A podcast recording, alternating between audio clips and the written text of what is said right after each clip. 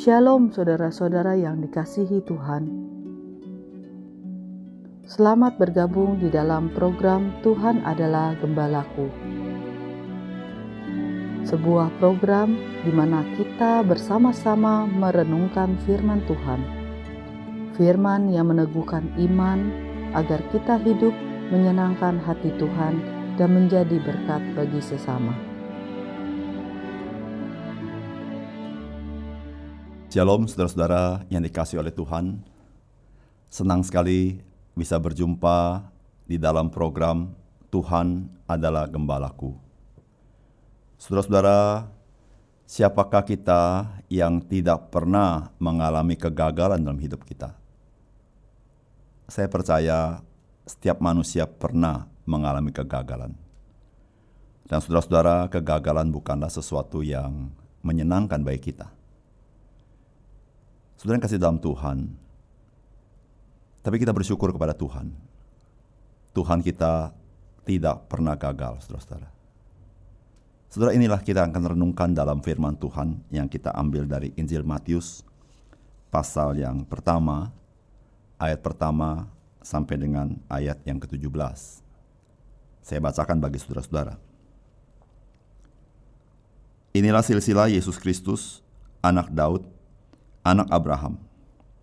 Abraham memperanakan Ishak, Ishak memperanakan Yakub, Yakub memperanakan Yehuda dan saudara-saudaranya.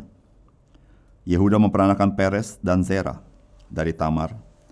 Peres memperanakan Hezron, Hezron memperanakan Ram, Ram memperanakan Aminadab, Aminadab memperanakan Nahason, Nahason memperanakan Salmon, Salmon memperanakan Boas dari Rahab, Boas memperanakan Obed dari Ruth, Obed memperanakan Isai. Isai memperanakan Raja Daud. Daud memperanakan Salomo dari istri Uria. Salomo memperanakan Rehabiam. Rehabiam memperanakan Abia. Abia memperanakan Asa. Asa memperanakan Yosafat. Yosafat memperanakan Yoram. Yoram memperanakan Uzia. Uzia memperanakan Yotam. Yotam memperanakan Ahas. Ahas memperanakan Hizkia.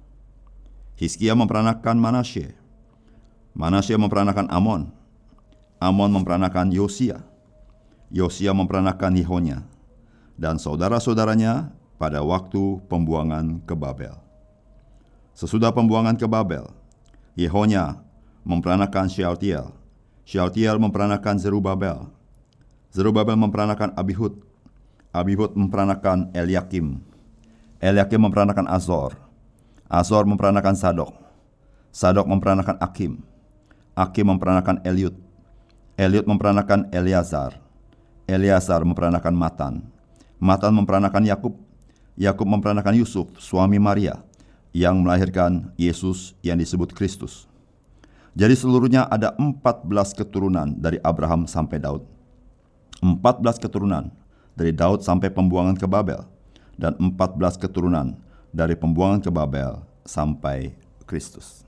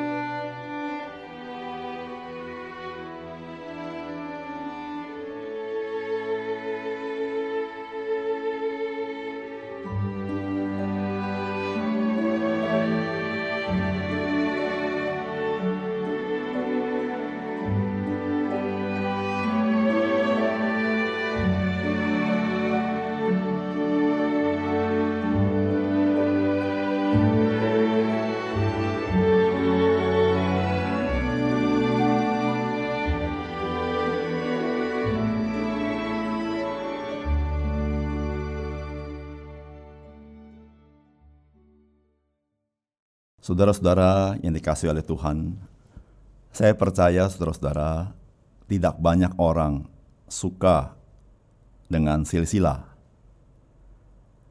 Saudara saya yakin mungkin saudara juga termasuk orang yang tidak tahu silsilah saudara seberapa panjang. Nah, saudara-saudara, tetapi dalam Injil Matius dicatatkan silsilah mengenai Yesus Kristus, saudara-saudara. Dan cukup panjang dengan begitu banyak nama. Saudara yang kasih dalam Tuhan, orang Yahudi mempunyai kebiasaan mencatatkan silsilah dengan sangat detail. Dan saudara Tuhan pakai itu untuk menyaksikan, untuk menubuatkan, dan penggenapan akan juru selamat Yesus Kristus, saudara-saudara. Nah, saudara-saudara, dari silsilah Yesus Kristus, apa yang dapat kita pelajari, saudara-saudara? Saudara yang pertama-tama, saudara-saudara, kalau kita mempelajari silsilah ini yang kurang lebih 2000 tahun, saudara. Saudara kita melihat yang pertama Allah itu setia kepada janjinya. Dari mana kita tahu, saudara? Saudara Alkitab berkata, inilah silsilah Yesus Kristus, anak Daud anak Abraham. Saudara-saudara, Yesus Kristus sudah dijanjikan sejak zaman Abraham dan sejak zaman Daud. Dan Allah tidak lupa janjinya kepada manusia. Saudara, bukankah ini sesuatu yang menguatkan hati kita? Ketika kita mungkin mengalami kegagalan, saudara jangan lupa Tuhan setia kepada janjinya dan dia tidak pernah mengingkari janjinya dan dia tidak pernah lupa akan janjinya. Oleh karena itu saudara-saudara, apa pun yang saudara alami, mari bersandar kepada Tuhan. Dia tidak pernah ingkar janji. Dia selalu menepati dan tidak pernah lupa. Dan dia melakukan sesuai dengan waktunya yang terbaik bagi hidup kita. Yang kedua, saudara-saudara, apa yang kita sedapati dari silsilah ini? Saudara dalam silsilah ini kita menemukan ada orang-orang tertentu yang kita pikir tidak mungkin bisa dipakai oleh Tuhan. Contoh, saudara, Rahab, Tamar, saudara ya. Mungkin Ruth, saudara, bukan orang Israel. Tapi justru saudara dalam silsilah dicatat, sengaja dicatat nama-nama wanita ini yang berbeda-beda ini. Saudara-saudara, Tuhan bisa memakai orang-orang yang dilihat gagal oleh manusia. Tuhan bisa memakai orang-orang dianggap tidak penting dalam hidup ini. Atau saya katakan dianggap remeh, saudara. Saudara-saudara yang kasih dalam Tuhan, di tangan Tuhan orang-orang ini menjadi berharga, menjadi berarti, saudara. Saudara serahkan hidup kita kepada Tuhan Bagaimanapun kondisi saudara, Tuhan bisa pakai hidup saudara. Tuhan bisa pakai saudara menjadi berarti dan memuliakan nama Tuhan. Yang ketiga, saudara, saudara di sini menemukan ada nama-nama yang mungkin kita pikir dengan orang ini, maka nubuatan mengenai Yesus Kristus tidak akan berhasil. Misalnya, saudara, Raja Manasye Saudara Raja Manasye adalah raja yang jahat, raja yang jauh daripada Tuhan. Saudara bagaimana mungkin dari Raja Manasye itu menjadi luhur daripada Yesus Kristus? Tapi saudara yang ketiga, silsilah ini memberitahu kepada kita, Tuhan tidak pernah gagal, saudara. Bagaimanapun manusia, bagaimanapun perilakunya, bagaimanapun rancangan jahatnya, saudara Tuhan memegang sejarah dalam dunia ini. Saudara manusia bisa gagal, tetapi Tuhan tidak pernah gagal di dalam rencananya. Saudara-saudara kita bisa gagal, tapi Tuhan tidak pernah gagal dalam hidup kita.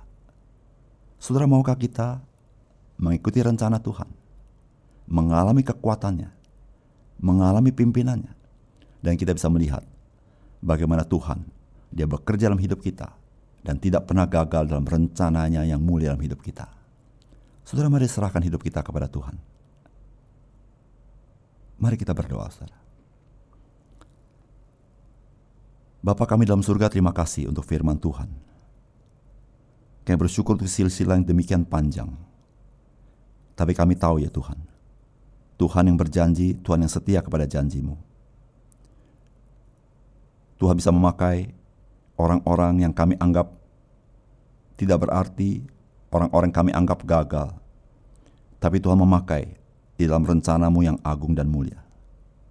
Tuhan terima kasih. manusia bisa berniat apa saja dalam hidup ini. Tetapi Tuhan, Engkaulah yang meluruskan rencanamu untuk mencapai tujuan yang memuliakan nama Tuhan. Tuhan tolong kami. Ya Tuhan kami bisa gagal. Tapi ajar kami masuk dalam rencanamu. Karena engkau yang punya kuasa menggenapi segala sesuatu. Kami serahkan hidup kami supaya dipakai oleh Tuhan. Tuhan kami serahkan hidup kami hari ini kepada Tuhan.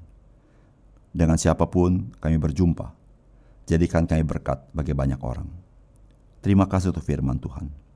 Dalam nama Tuhan Yesus kami berdoa. Amin.